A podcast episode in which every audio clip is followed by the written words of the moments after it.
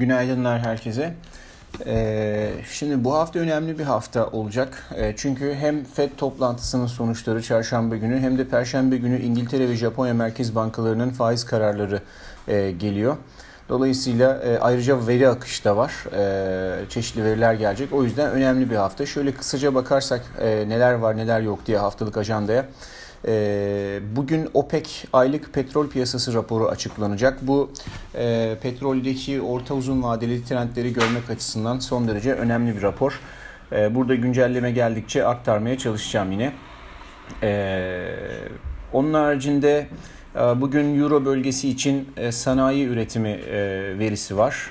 Salı günü Çin ve Amerika'dan sanayi üretimi yine geliyor ve perakende satışlar verisi geliyor. Almanya'dan ZÜ endeksi açıklanacak.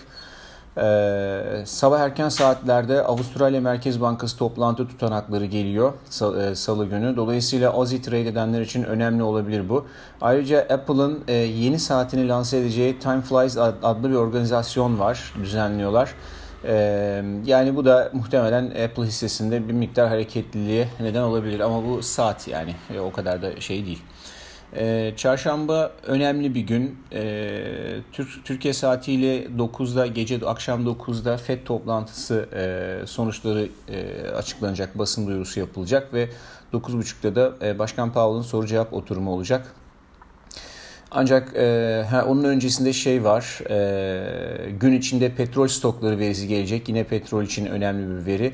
Amerika'dan yine perakende satışlar, İngiltere'den enflasyon verisi açıklanacak. Ayrıca yine e, çarşamba günü OECD'nin G20 ekonomileri için yeni ekonomik tahminleri yayınlanacak. Bu da e, makro trendleri takip etmek isteyenler açısından önemli bir rapordur. E, işte beklenen büyümeleri tekrar revize edecekler. Muhtemelen 2020 için büyümeleri yukarı doğru revize ederler bu noktada. 2021 için ise biraz daha aşağı revize ederler baz etkisi nedeniyle. Perşembe Japonya ve İngiltere Merkez Bankaları faiz kararları açıklanacak. Her ikisinden de faiz politikasında değişiklik beklenmez. Ancak e, Bank of England tarafında belki bir destek paketi için ihtimal var. Hani şimdi açıklamasalar bile en azından e, bu tarafa mail ettiğini söyleyebilirler. E, haftanın son gününde ise Rusya Merkez Bankası faiz kararını açıklayacak. Ondan başka önemli bir e, beklenti yok. E, ama şey var, geçen hafta bahsetmiştim bundan. Cuma günü e, quadruple witching denen hisse ve endeks kontratlarının, future'larının ve opsiyonlarının son işlem günü.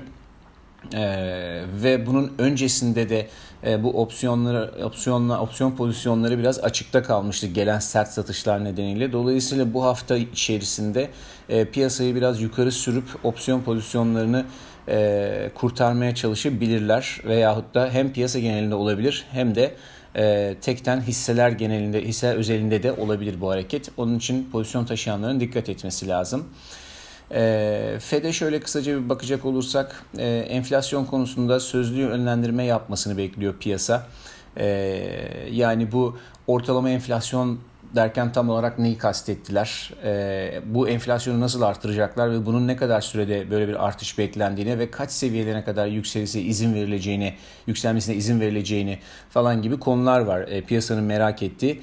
E, bunlara dair e, ipuçları isteyecek, arayacak ama benim tahminim sanırım bu toplantıda o kadar fazla detay veremeyecek çünkü elinde zaten çok fazla e, yönlendirecek bir e, ekonomik veri birikimi yok Jackson Hole toplantısından bu yana neticede.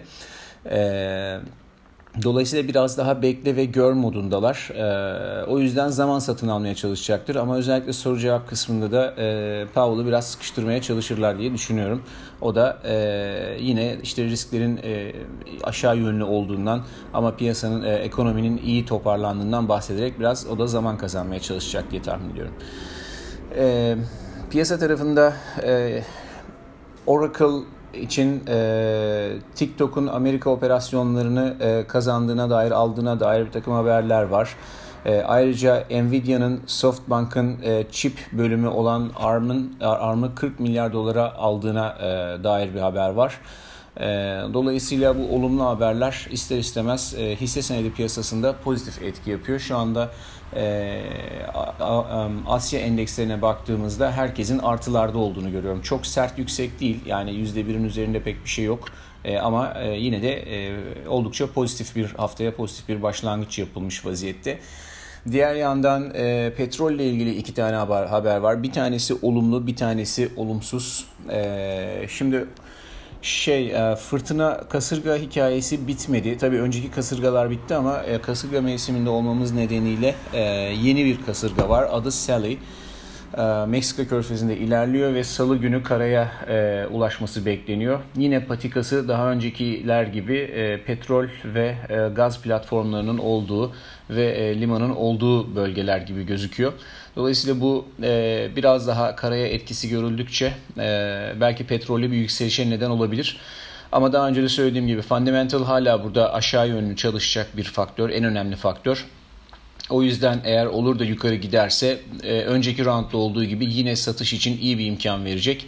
Risk alabilenler burada e, buluş dalgayı yakalamaya çalışabilirler ama daha güvenlisi yükselişi bekleyip ondan sonrasında satışa e, doğru beklemek. E, bir diğer konuda e, Libya ile ilgili. Libya'da e, tekrar işte yaklaşık 8 aydır filan e, kapalı olan e, işte limanlar tekrar açılıyor.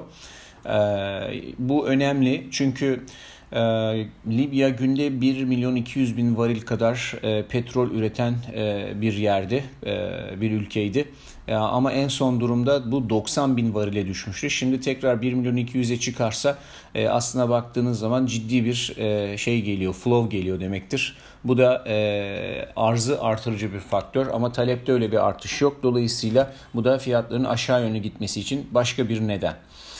E, şu anda piyasa biraz yukarı biraz aşağı gitti ama önemli bir hareket olmuş değil. E, bunların herhangi birisi fiyatlanmıyor. Son olarak e, tahıllar tarafında e, hatırlarsanız e, hem soyada hem de mısırda alım önerisi varmış, vermiştik. 18 Ağustos'ta soyada, 21 Ağustos'ta da mısır için verdik. O tarihten bu yana soya %9'luk rally yaptı. Mısır ise %8,5'luk bir rally yaptı ve e, her ikisinde de e, return on investment dediğimiz e, işte ana paraya karşılık e, kazanç e, soyada yüzde e, yüzde 231 e, yani iki katından fazla kazandırmış oldu. Mısır'da da yüzde 156 oldu. Şimdi e, gelinen seviyeler itibariyle e, Çin talebinin devam etmesine rağmen Mısır e, birazcık artık yavaşlayacağı bölgelere gerçekten gelmiş vaziyette. Dolayısıyla belki burada pozisyonlarda e, hafiflemek yerinde olacaktır.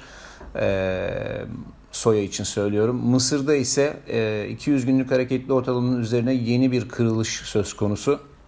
Orada e, biraz daha iyi bir e, piyasa olur diye düşünüyorum. E, bu, bu her ikisi de birlikte hareket etme eğiliminde olur çoğu zaman.